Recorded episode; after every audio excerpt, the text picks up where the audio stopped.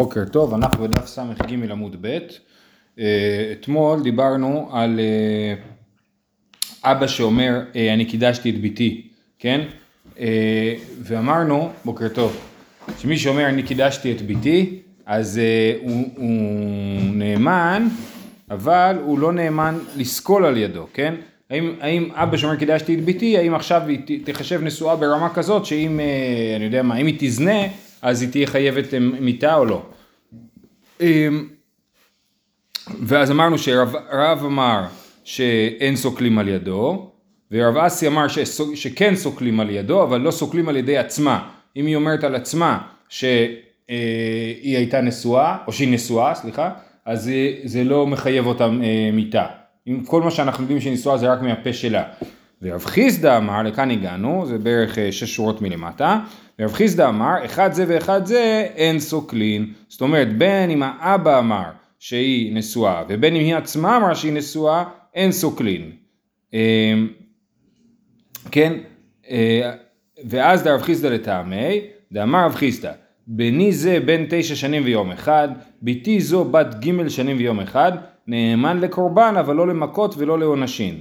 כן? אם אדם מעיד על בנו שהוא בן תשע שנים, בן תשע, אז אה, אה, למה היא נפקא מינה? השאלה היא שאם מישהו נסכל, נהרג בגללו. זאת אומרת, אה, אה, אנחנו אמרנו, גם במסכת יבמות, שמישהו בן תשע שנים ויום אחד הוא ראוי לביאה, ובת בת שלוש שנים ויום אחד היא נחשבת ראויה לביאה, במובן הזה שהביאה שלה היא נחשבת לביאה, כן? אם הביאה שלה היא נחשבת לביאה, אז מי ששוכב איתה חייב מיתה. אבל היא עצמה לא חייבת מיתה, כי היא עצמה אה, היא קטנה, כן? כמובן, במקרה שהיא נשואה, אם היא פנויה אז מי ששוכב איתה לא חייב מיתה. אז, אז רב חיסדא אומר, מי שמעיד על בנו, בני זה בן תשע שנים ויום אחד, או ביתי זו בת ג' שנים ויום אחד, נאמן לקורבן אבל לא למכות. זאת אומרת שהעדות אה, אה, הזאת של האבא היא תהיה עדות טובה לקורבן, זאת אומרת אם מישהו עשה משהו בשוגג הוא יהיה חייב להביא קורבן, אבל לא למכות, זאת אומרת לא לעונש. אה, אה, כי אבא לא נאמן על, על ילדיו ברמה כזאת של עונש. תנא כבתי דרב חיסדא, בני זה בן י"ג שנים ויום אחד, ביתי זו בת י"ב שנה ויום אחד, נאמן לנדרים ולחרמים ולהקדשות ולערכים, אבל לא למכות ולעונשים, כן? הוא נאמן לעניין אה, נדרים, חרמות, הקדשות וערכים, אם הילד הזה הוא נודר כן? אז אנחנו מאמינים לאבא שהוא בן 13 ושהנדר שלו הוא נדר, כן? אותו דבר, חרמים, הקדשות וערכים, כל, כל הדברים האלה שאדם מקדיש, אם הילד הוא בן 13 או הילדה בת 12 אז האבא נאמן על זה אה, ולכן הנדר יהיה נדר וכדומה, אבל לא למכות ועונשים, כן? אה, אה, אם האבא אומר שהילד בן 13 זה לא מספיק עדות שלמה בשביל לחייב את הילד מכות ועונשים. ומביאים תעודת זהות? זו שאלה מעניינת. זו שאלה מעניינת. היום אנחנו עושים עם, עם תעודת לידה, וזה לא, לא ברור. זה ייחשב לעדות מוסמכת. אה, עכשיו, עכשיו ברור שאם אנחנו רואים שהילד הוא ילד גדול, ואנחנו רואים שהוא גדול, אה, אז, אז, אה, אז הוא גדול, כן? השאלה היא אם הוא נגיד נמצא במצב גבולי ואבא אומר הוא באמת בן 13, אז אנחנו לא מקבלים את העדות הזאת לעניין הנשים. טוב, משנה הבאה. קידשתי את ביתי. אבא אומר, קידשתי את ביתי. או קידשתיה וגרשתיה כשהיא קטנה, והרי היא קטנה נאמן. קידשתיה וגרשתיה כשהיא קטנה והרי היא גדולה אינו נאמן. אם האבא מעיד את העדות הזאת בזמן שהילדה עדיין קטנה, אז הוא נאמן על העדות הזאת. אבל אם הוא אומר קידשתיה וגרשתיה והיא כבר גדולה עכשיו, כן? ועכשיו היא רוצה להתחתן עם כהן, ואבא אומר אני מצטער, את לא יכולה להתחתן איתו, כי כשהיית קטנה קידשתי וגרשתי אותך. זאת אומרת, הוא לא גירש אותה, כן? הוא קידש אותה והבעלה גירש אותה, אז הוא לא נאמן. אבל אם היא עדיין קטנה, הוא כן נאמן. למה? תכף הגמרא תשאל. אה, נשבית ופדיתיה, בין שהיא קטנה בין שהיא גדולה, אינו נאמן. אם הוא מספר שהיא הייתה שבויה, אז גם על זה, אפילו אם היא קטנה, הוא לא נאמן על זה. כן, מה נפקא מינה של שבויה? שבויה, אנחנו מניחים, למדנו את זה ביבמות, שאנחנו מניחים שהיא נאנסה, השבויה.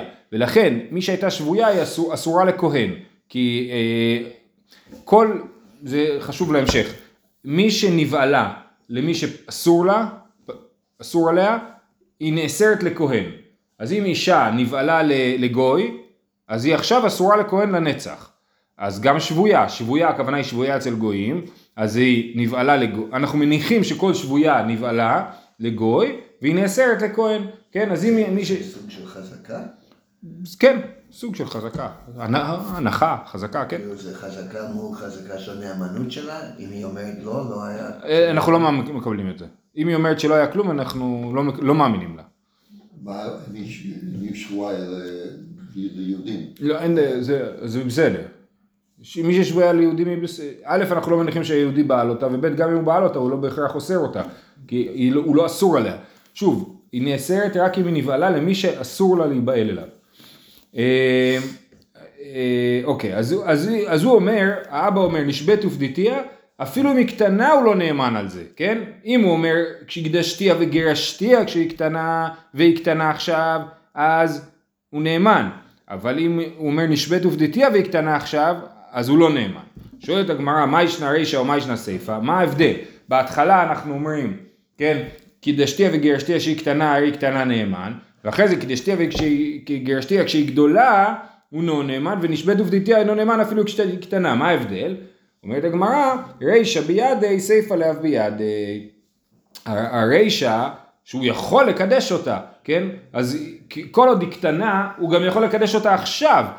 אם תגידו לו, אני לא, אנחנו לא מאמינים לך שקידשת אותה, אז הוא סבבה, אז הנה עכשיו אני אקדש אותה, כן? כיוון שזה בידי, אז, אני, אז מאמינים לו שזה קרה, כן?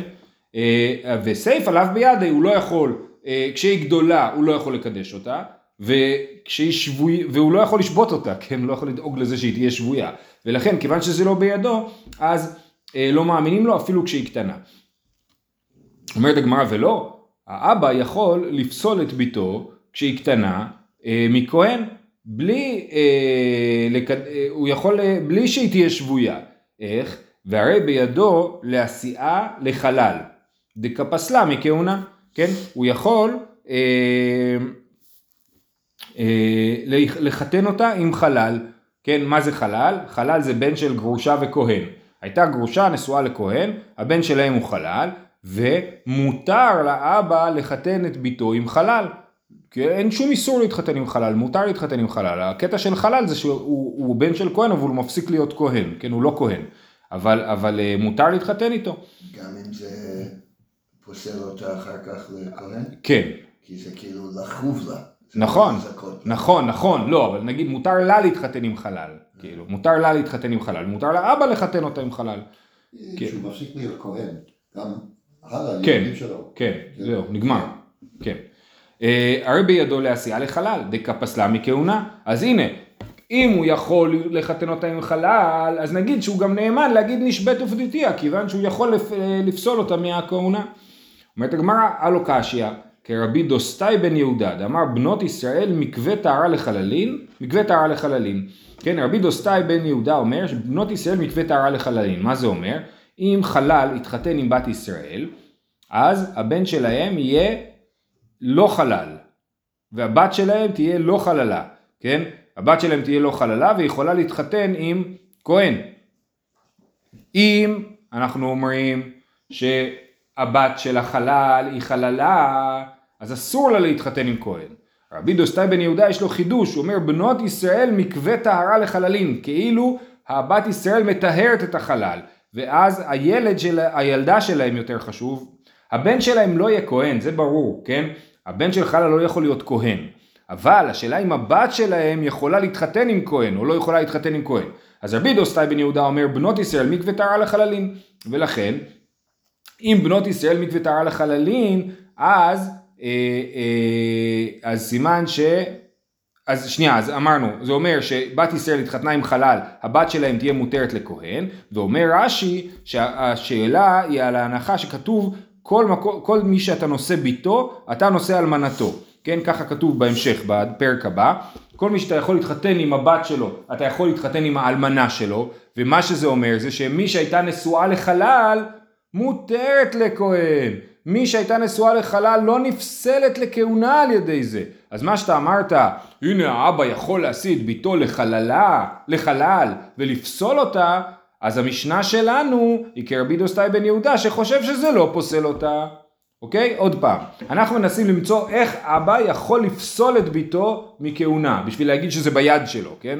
לא שהוא רוצה לפסול בתו לכהונה, אבל איך זה ביד שלו, לפסול אותה מכהונה. אמרנו, הנה הוא יכול לחתן אותה עם חלל. אומרת הגמרא, לא, מי שמחתן את בתו עם חלל, היא נשארת מותרת לכהן. כי הנה רבי דוסטאי בן יהודה אומר, מבנות ישראל מקווה טהרה לחללים. אומרת הגמרא, והרי בידו לעשייה לממזר, אה, נכון, הוא לא יכול לעשות דבר בהיתר, אבל הוא יכול לחתן אותה עם ממזר, ואם הוא מחתן אותה עם ממזר, היא נפסלת לכהן. למה? כי כמו שאמרנו, מה הכלל? כל מי שמתחתנת עם מי שפסול לה, אז היא נפסלת לכהן. אסור לבת ישראל להתחתן עם כהן, ואם היא מתחתנת עם כהן, או לשכב עם, עם סליחה, אסור לבת ישראל לשכב עם ממזר, כן, ואם היא שכבת עם ממזר, אז היא נפסלת לכהן. אז האבא יכול לחתן את הבת שלו עם ממזר, ועל ידי זה לפסול אותה מכהן. היא יכולה למען? לא. אם אבא מחתן אותה, זה... כי היא אומרת, אסור לי. אבל אין מה לעשות, האבא יכול לחתן את ביתו. והרי בידו לעשייה לממזר, אומרת הגמרא כרבי עקיבא, דאמר אין קידושין תופסים בחייבי להבין. המשנה שלנו היא כשיטת רבי עקיבא, שחושב שאבא לא יכול לחתן את ביתו עם ממזר, כי, כי רמת האיסור של להתחתן עם ממזר, זה נקרא חייבי להבין, זה, זה לאו, זה לא כרת. אבל שהבעיה זה לא נישואין, אלא שהוא שוכב איתו. נכון, אבל כאילו השאלה אם האבא יכול לעשות ומה לא יכול לעשות. הוא לא יכול לחתן את הבת שלו עם ממזר, כי הנישואין לא, לא בתוקף, הם לא חלים. אז לכן, אז זה שיטת רבי עקיבא, כן? אז המשנה שלנו היא כרבי דוסטאי בן יהודה שחושב שבנות ישראל מקווה טהרה לחללים, וגם כרבי עקיבא שאומר אין קידושין תופסים בחייבי לוין. לכן האבא לא יכול לחתן את ביתו עם ממזר, זה לא נחשב לדבר שנמצא בידו, כן? ולכן זה לא בידו לפסול אותה מכהן. אומרת הגמרא, הרי בידו לעשייה אלמנה לכהן גדול. וכרבי סימאי, דתנא רבי סימאי אומר מן הכל עושה רבי עקיבא ממזר, חוץ מאלמנה לכהן גדול, שהרי אמר תורה לא ייקח ולא יחלל, חילולים עושה ואין עושה ממזרים. זאת אומרת, האבא יכול לחתן את ביתו, האלמנה עם כהן גדול, כן? איך זה ביתו אלמנה, כבר למדנו סוגיות על זה אה, בפרק שני אני חושב, אה, אבל נניח שיש לו בת אלמנה, והוא מחתן אותה עם כהן גדול. קטנה. קטנה, כן, אלמנה קטנה, הוא מחתן אותה עם כהן גדול, מה, מה התוצאה? התוצאה זה שהיא תהיה חללה, כי היא שכבה, היא תהיה אסורה, כי היא שכבה עם מי שאסור לה לשכב איתו, האלמנה וכהן גדול הם אסורים, אז היא תהיה אסורה, אז הנה הוא פסל אותה מכהונה, ולמה שלא תגיד רגע אבל רבי עקיבא אמר שכל הנישואים עם מי שאסור זה לא תופס אז הוא לא יכול לחתן אותה אז זה כרבי סימאי, שרבי סימאי אומר מן הכל עושה רבי עקיבא ממזר חוץ מאלמנה לכהן גדול.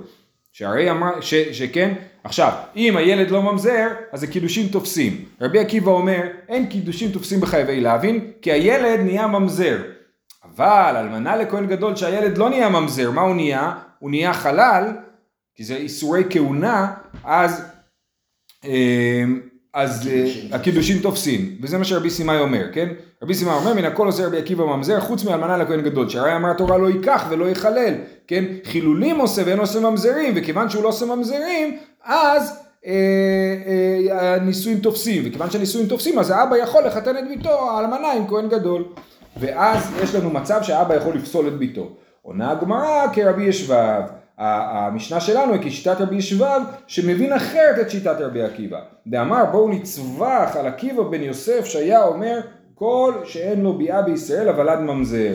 רבי ישבב אומר על שיטת רבי עקיבא איזו שיטה נוראית זאת שאומר כל שאין לו ביאה בישראל עד ממזר סימן שרבי ישבב חושב שלא כרבי סימאי שגם אלמנה לכהן גדול לפי רבי עקיבא עד ממזר ואין נישואים תופסים אז המשנה שלנו היא כמו רבי ישבב שחושב שאין נישואים תופסים אפילו באיסורי כהונה, לא רק באיסורים של ממזרות, אלא אפילו באיסורים של כהונה שיש לאו אין אה, נישואים תופסים.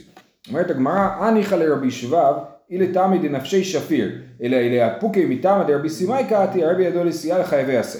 את רבי שבב הזה אפשר להבין בשני הקשרים. אפשר להבין אותו כמי שבא להגיד אמירה עצמאית, לעצמו, כן, לנפשי. אז באמת הוא אומר שכל מי שאסור לה להתחתן איתו, לפי רבי עקיבא הנישואים לא תופסים. כי זה מה שהוא אומר. בוא נטווח על עקיבא בן יוסף שהיה אומר כל שאין לו ביאה בישראל אבל עד ממזר. כל מי שאסור אבל עד ממזר, והבל עד ממזר זה אומר שנישואים לא תופסים. כן?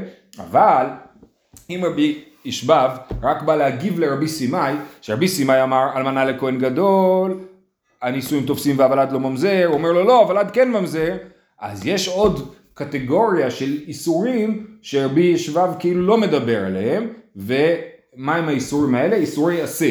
של אה, לא יבוא עמוני ומואבי בקהל השם, כן? אה, אה, עמוני, מואבי, מצרי, אדומי, אדומי? סליחה, אה, לא זוכר.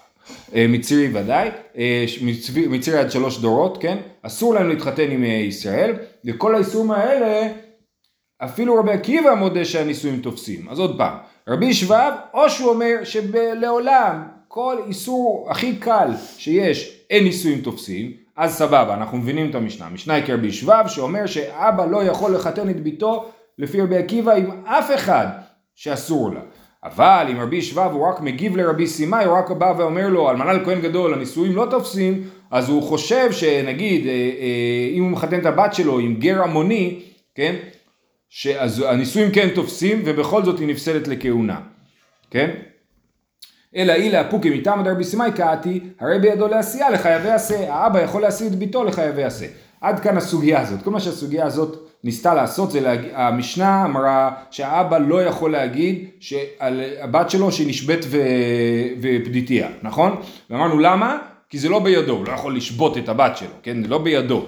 אז ניסינו להסביר איך זה כן יכול להיות בידו של האבא לפסול את ביתו מכהן. זה, או, שלום עליכם. אה, אה, איך האבא יכול לפסול את ביתו מכהן, זה מה שניסינו להסביר. איך לשמוע? מה? איך אבא יכול להגיד לבת, על הבת שלו שהיא אסורה להתחתן עם כהן. וראינו שבאמת קשה להסביר את זה, אנחנו רואים שכן בסופו של דבר גם אחרי שניסינו לדחוק את זה לתוך איזושהי שיטה מאוד מאוד מסוימת, עדיין יוצא שאבא יכול להגיד על הבת שלו כך וכך עשיתי לה ולכן היא אסורה לכהן. חיתנתי אותה עם מישהו שאסור לה, כן? ולכן היא אסורה לכהן. אמר רב אשי ותסברה, אומר רב אשי אני בכלל מתווכח עם כל ההסבר שלכם. ותסברה רישא משום דבידו, נאי דבידו לקדשה, בידו לגרשה, אתה רצית להסביר שהמשנה היא לפי השאלה מה ביד שלו ומה לא ביד שלו. אז נכון, האבא יכול לקדש את ביתו, אבל הוא לא יכול לגרש את ביתו, מי מחליט אם הבת שלו תתגרש או לא? הבעל, לא, לא האבא, נכון? בידו לגרשה, ועוד אילו אמר היי דלא ניחא בגבה ממצי מקדש ניעלי, בעל כורחי, וגם, חוץ מזה, גם אפילו שהאבא יכול לקדש את ביתו, הבעל מחליט אם הוא רוצה להתחתן איתה או לא. אז זה בידו רק במידה מוגבלת, ואם הבעל לא רוצה להתחתן איתה, אז הוא לא יכול לך להכריח אותו. וזה באמת, להניח שכאילו זה בידיים של האבא זה הנחה לא נכונה, לכן הרב אשי חולק על כל ההסבר הזה של המשנה. אלא אמר רב אשי, רישא רחמנה הימני קרב הונא. מה ההבדל בין הרישא לסיפא במשנה, שאמרנו שאבא יכול להגיד על ביתו קידשתיה וגרשתיה, אבל לא יכול להגיד על ביתו אה, נשבית ופדיתיה, מה ההבדל? כי התורה אמרה שאנחנו מאמינים לאבא, שנאמר, את ביתי נתתי לאיש הזה, כן? וזה, הפסוק הזה הוא לגבי... אה, מי שמוציא שם רע, כן? אמר אבי הנערה לזקנים, את ביתי נתתי לאיש הזה וישנאה, כן? אבל מה זה אומר? שואלים, רגע, איך האבא יכול להגיד דבר כזה? למה שנאמין לו? את ביתי נתתי לאיש הזה. אתה, אתה, איך אתה יכול להעיד על הבת שלך דבר כזה? כן? אלא אנחנו רואים מהפסוק שאבא יכול להגיד על ביתו, את ביתי נתתי לאיש הזה, כן? והגמרא אומרת לאיש עשרה, הזה התירה בניס... התירה, כן? זאת אומרת, הוא אומר, את ביתי נתתי לאיש, אם הוא לא היה אומר הזה, אז הוא אומר שהיא אסורה לכל העולם, נכון? את ביתי נתתי לאיש, אסורה. הזה, אז היא מותרת לו, נכון? אז הנה אנחנו רואים שלאבא יש סמכות להגיד על הבת שלו שהיא נשואה. הוא יכול לחתן אותה, והוא גם יכול אחרי זה להעיד על הדבר הזה. אה, בנישואין ימני רחמן על האב, בשבויה לא ימני. בנישואין הזה אנחנו מאמינים, התורה אמרה שאבא נאמן להעיד על ביתו שהוא חיתן אותה, והוא לא נאמן להעיד על ביתו שהיא נשבית. כן? ולכן אבא שאמר על ביתו שהיא נשבית אה, ולכן היא אסורה לכהן, אנחנו לא מאמינים לו, לא מקבלים את העדות הזאת. הוא לא זה שנשבית. הוא אומר שהבת שלו נשבתה, ואנחנו לא מאמינים לו על זה, ולכן היא תהיה מותרת לכהן. האם היום שאין את הבעיה של שמירה על הבת, המצב, הכוח של האבא משתנה? מה זה שמירה על הבת? מה זאת אומרת? למה הוא מחתן אותה? כי... הוא אה, אוקיי. כן, כן. אה, לא, הוא עדיין יכול, הלכתית הוא עדיין יכול לחתן אותה. זאת אומרת, הלכתית, אם אבא יגיד, אם אבא יקדש את ביתו הקטנה היום, לכאורה זה יהיה לזה תוקף, אלא אם נגיד אה, רעיונות של כל דמקדש עדת דרבנן מקדש וכדומה, אבל ב- היום, בעיקרון יש על זה תוקף, אז זה נגד החוק. אז השאלה אם תגיד, נגיד דינא דמלכותא דינא. נכון, נכון, אם תגיד דינא דמלכותא דינא, אולי זה לא יעבוד, כאילו, כי המלכות אוסרת את זה, זה יכול להיות, כאילו. טוב, משנה הבאה, מי שאמר בשעת מיתתו יש לי בנים נאמן, יש לי אחים אינו נאמן. הוא אה, הולך למות, והוא אומר לאשתו, אל תדאגי, את לא צריכה ייבום וחליצה, כי יש לי בנים. כל החיים שחיינו ביחד, את לא ידעת שיש לי בנים, אבל יש לי בנים מאישה אחרת, ואת לא צריכה ייבום וחליצה. ככה הוא אומר לה. אה, הוא נאמן. עכשיו, עוד פעם, הוא הולך למות, ואומר לה, תשמעי, את חשבת שאת פטורה מייבום וחליצה, כי את לא חושב, את חושבת שאין לי אחים, שתדעי לך שיש לי אחים. אז הוא לא נאמן, כן? אז, אז הוא נאמן להגיד לה, לה שהיא פטורה מייבום וחליצה, והוא לא נאמן להגיד לה שהיא חייבת ייבום וחליצה. יפה. אומרת הגמרא, עלמא נאמן להתיר ואין נאמן לאסור. נאמן מתניתין דלא כרבי נתן, כן? ה- ה- מהמשנה אנחנו רואים שהבעל נאמן להתיר ולא נאמן לאסור, אז נגיד שזה לא כשיטת רבי נתן. דתניא, בשעת קידושין אמר, פה מדובר על אדם שבזמן של הקידושין, אומר, אה, יש לו בנים. בשעת מיתה אמר אין לו בנים, זה קצת שונה. כשהתחתנו הוא אמר שתדעי לך שיש לי בנים, ואז לפני שהוא מת הוא אומר אני עבדתי עלייך כי רציתי להתחתן איתך, באמת אין לי בנים, כן? אה, בשעת קידושין אמר אין לו אחים, בשעת מיתה אמר יש לו אחים, כן? אז נאמן להתיר ואין נאמן לאסור, דיבר רבי.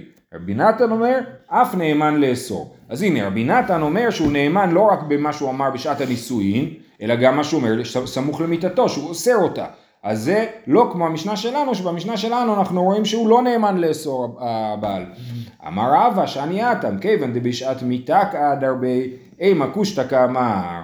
רבא אומר, יש הבדל בין אה, המשנה לבין הברייתא. במשנה, אה, אה, שנייה רגע, בשעת מיתה. אה, כן, ההבדל לפי רבא זה שבברייתא הוא חוזר בו, במשנה הוא לא אמר כלום, הוא, הוא, הם נשואים, היא לא ידעה שיש לו בנים או אין לו בנים, היא הניחה שאין לו בנים כי היא לא פגשה אותם מעולם, ואז הוא אומר לה שתדעי לך שיש לי בנים, או ש... ואת מותרת.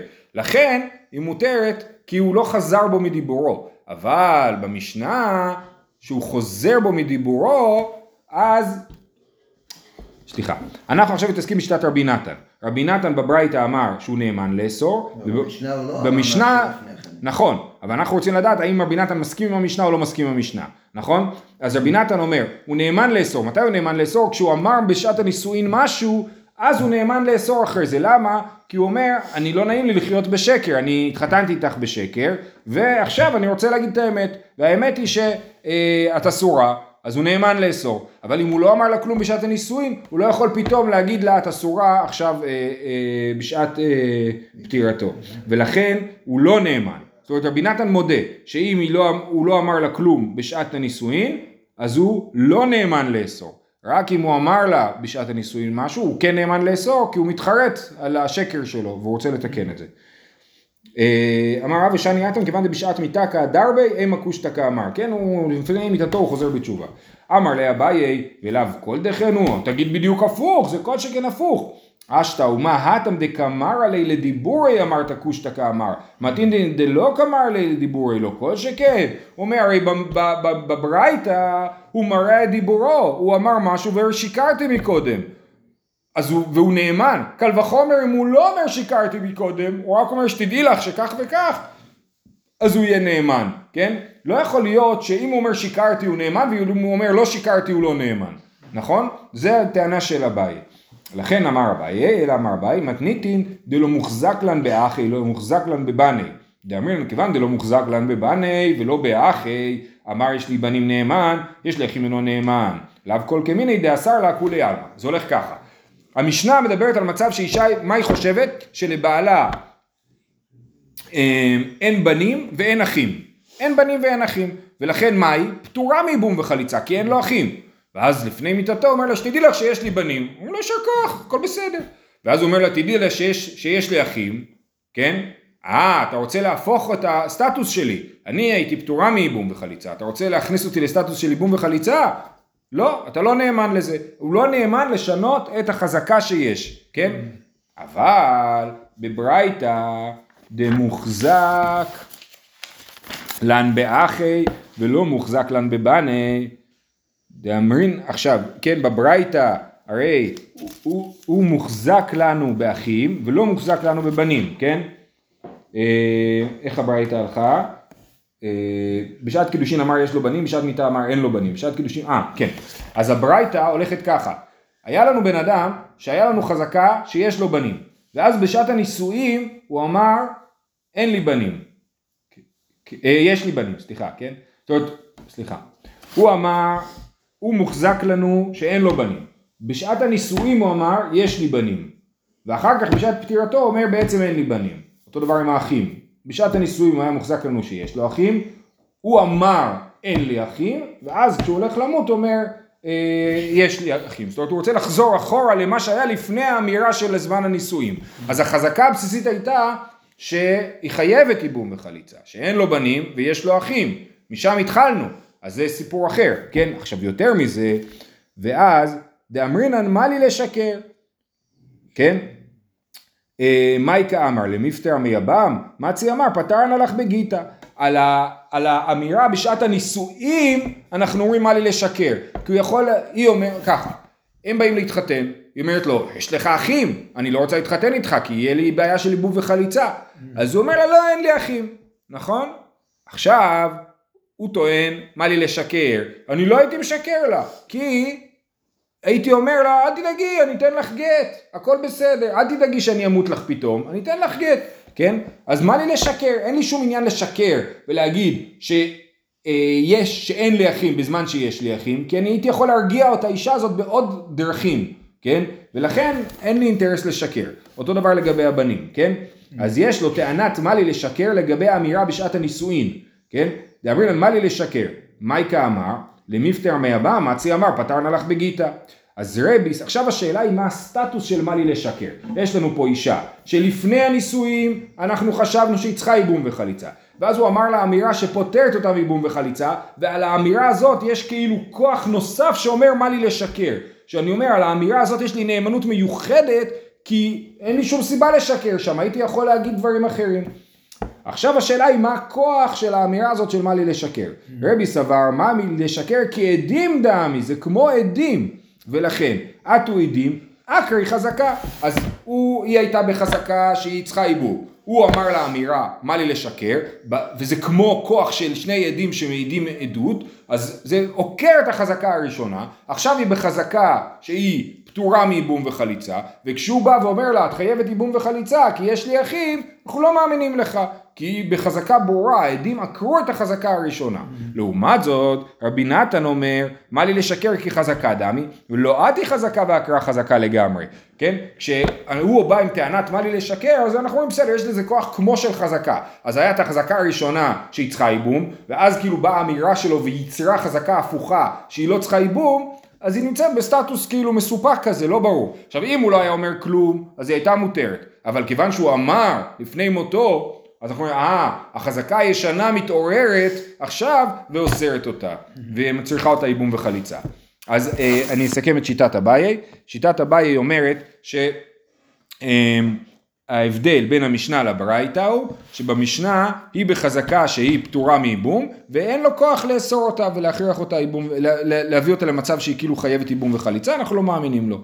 הברייתא מדברת במצב שבו היה חזקה ישנה, הייתה אמירה בשעת הנישואים שכאילו הפוכה מהחזקה הישנה, ואז הוא בא ומנסה להחזיר את הגלגל לאחורה לפני האמירה של שעת הנישואים. ושם השאלה היא האם האמירה שבשעת הנישואים לפי רבי חזקה כמו עדות, ולפי רבי נתן היא לא חזקה כמו עדות, ולכן רבי נתן אומר שהוא כן נאמן לאסור אותה, כי הוא יכול להחזיר אותה למצב הקודם, ורבי אומר אי אפשר לחזור אחורה, כי האמירה שאמרת בזמן הנישואים היא אמירה חזקה, מה לי לשקר. כן. בסדר? זה ההסבר של אביי, הסבר מאוד יפה. בואו נלמד רק את המשנה. אומרת המשנה, מקדש את ביתו סתם, אין הבוגרות בכלל. אדם אמר ביתי מקודשת, כן? איזה בת? שתרצה, כן? אז הבוגרות הן לא, לא בכלל, כן? הבוגרות, זאת אומרת עכשיו כל הילדות הקטנות שלו יהיו בספק מקודשות, כן. והילדות הבוגרות שלו לא, כי הוא לא יכול לחתן את הבוגרות שלו. מי שיש לו שתי קטעי בנות משתי נשים, אז יש לו ש... אה, נגיד שתי בנות מהבת אישה הראשונה ושתי בנות מהאישה השנייה. והוא אמר, קידשתי את בתי הגדולה. איני יודע, עכשיו הוא אמר, שוב, הוא בא לבן אדם ואומר, אני מקדש לך את בתי הגדולה. איני יודע אם קידשתי את, אם גדולה שבגדולות, או גדולה שבקטנות, או קטנה שבגדולות, שהיא גדולה מן הגדולה, גדולות שבקטנות, כולן אסורות חוץ מן הקטנה שבקטנות, כן?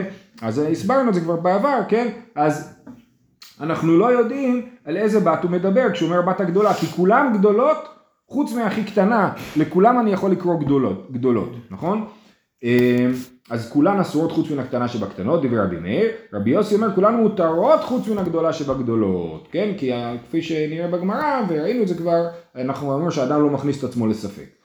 אה, קידשתי את בתי הקטנה, אותו דבר, איני יודע אם קטנה שבקטנות, או קטנה שבגדולות, או גדולה שבקטנות, או שהיא קטנה מן הקטנות שבגדולות, כולן אסורות חוץ מן הגדולה שבגדולות. דיבר רבי מאיר, רבי יוסי אומר כולן מותרות חוץ מן הקטנה שבקטנות. אז אותה מחלוקת חוזרת פעמיים בין רבי מאיר לרבי יוסי, האם כשאדם אומר אמירה שאפשר לפרש אותה באופן רחב או אפשר לפרש אותה באופן צר, אז רבי מאיר הולך על האופן הרחב ולהגיד, אה, הגמרא קוראת לזה אדם מכניס את עצמו לספק, אדם מכניס את עצמו לספק, הוא אומר אמירה שיכול להיות לה המון משמעויות ובעצם כל המשמעויות האלה הן אופציה ולכן כל הבנות שלו אסורות. ורבי יוסי אומר לא, אדם לא מכניס את עצמו לספק וכשהוא אומר אמירה הוא מתכוון לדבר היחיד ברור מתוך האמירה הזאת וכל הספקות האלה אין, אדם לא הכניס את עצמו לדבר הזה, אז ברור שהוא התכוון לגדולה בלבד. למה, מה הסברה של רבי מאיר? של רבי מאיר, אה, הגמרא קוראת לזה שאדם מכניס את עצמו לספק. מה חיתן יש נפשי לספקה. והסברה, חלק מהסברה, זה להגיד, האדם רוצה כאילו להשביח את מקרון, אני אומר לך את הבת הגדולה שלי, כן? אז, ואז אנחנו אומרים, הוא התכוון לבת אה, אמצעית, כן? הוא קרא לה גדולה בשביל שתמצא חן בעיני הבעל. אבל זאת רק חלק מהסברה, הגמרא אומרת שזה לא הכל. אה, אה, נמשיך עם זה מחר. שיהיה לכולם יום טוב. טוב.